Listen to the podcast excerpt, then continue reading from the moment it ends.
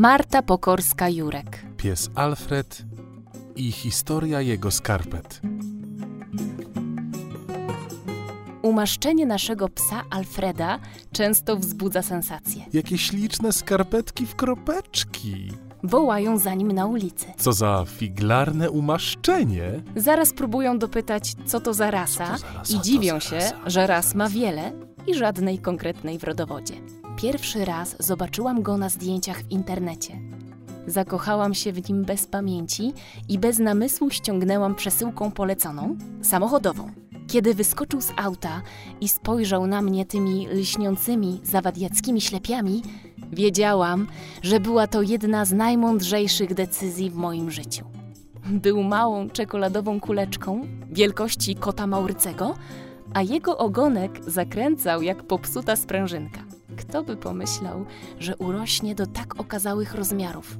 Ogonek nieco się sprostuje, a na łapach będzie miał białe skarpety. Moja córeczka Helenka jest młodsza od Alfreda, więc nawet nie miała zielonego pojęcia, że jej pies mógł kiedyś wyglądać inaczej. Historia, o której tu opowiadam, zdarzyła się bowiem za jego lat szczenięcych. Dawno, dawno temu pies Alfred wcale nie miał białych łapek w brązowe kropki. Nie miał też białego kołnierzyka. Był cały, calutki koloru brązowego. Miał brązowy pyszczek, brązowy brzuszek, brązowy grzbiet, brązowe łapy i brązowy ogon, bez żadnej białej plamki.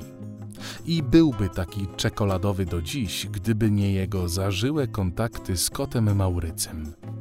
Wszystko zaczęło się od tego, że Alfredowi ciągle marzły łapy. Narzekał kotu Maurycemu przez całą jesień aż do grudnia. Męczył kota tak długo, aż ten podarował mu dwie pary białych skarpet. Maurycy nie miał wysokiego kieszonkowego, a i to w większości przepuszczał na kocimiętkę i szemrane kocie interesy. Nie było tajemnicą, że opłacał niektóre działki po to, by mieć monopol na obsikiwanie okolicznych rabatek.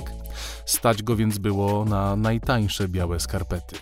O brązowych nie było mowy. Alfred jednak nie patrzył na jakość. Jak wszystkie psy, wzrok miał nieco gorszy niż inne zmysły.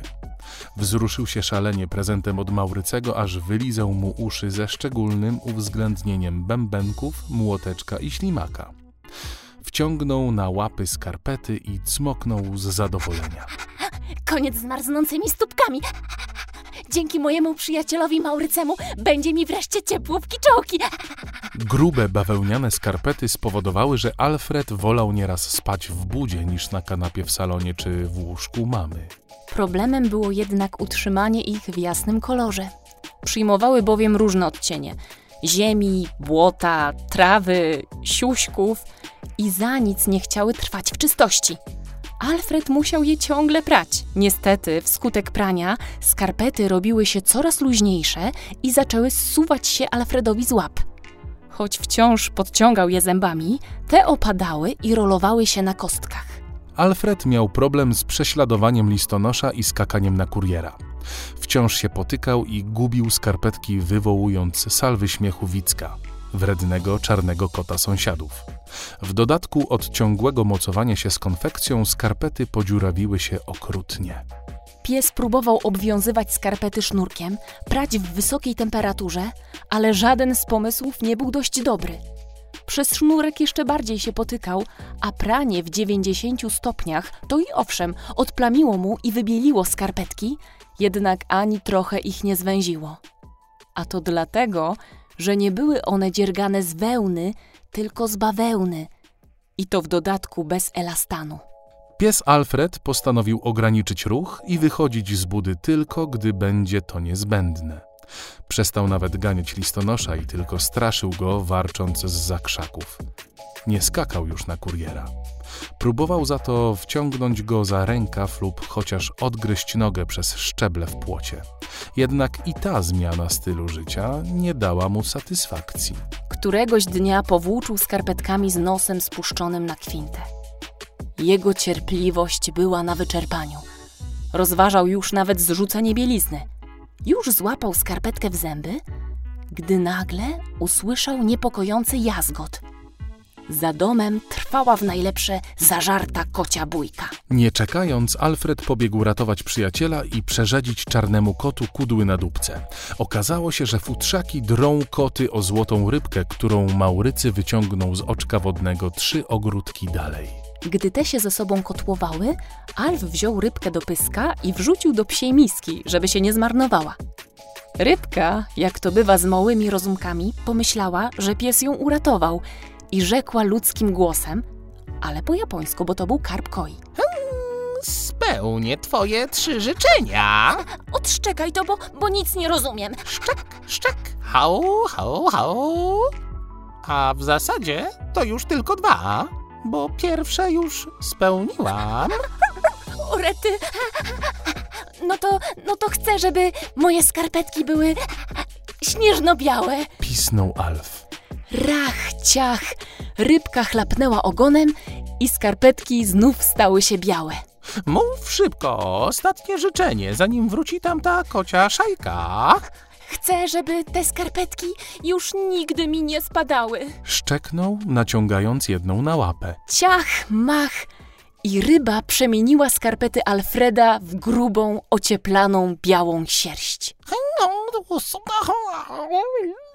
Chciała podsumować rybka, ale połknął ją Maurycy, który od jakiegoś czasu czaił się za krzakiem. Wredny czarny kot sąsiadów już miał rzucić się w pogoń za Maurycym, ale gdy zobaczył Alfreda, zdębiał i roześmiał się parszywie. Hej, Alfred, co ta złota oferma ci zrobiła? Alfred spojrzał na swoje łapy. Okazało się, że ryba zamieniła jego białe skarpety w białą sierść, ale tak jak w tamtej chwili one wyglądały. Całe w dziurach i ledwo wciągnięte na łapy. W dodatku skarpetę, którą Alf miał w pysku, zmieniła w biały kołnierz. Zdenerwowałby się Alf straszliwie, gdyby nie to, że Maurycy natłukł Wicka, który nie odważył się śmiać więcej z nowej szaty Alfreda. Maurycy podziękował Alfredowi za przechowanie ryby w psiej misce. Następnym razem możesz wrzucić do marynaty lub udusić w śmietanie. Pouczył psa smakosz japońskiej kuchni. Od tego momentu pies Alfred ma białe łapy w fikuśne brązowe kropeczki, a na brodzie i kołnierzyku białe futerko.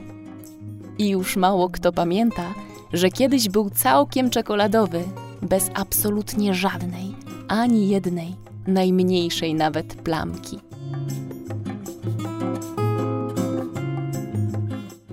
Czytali Hanna Matusiak i Piotr Osak.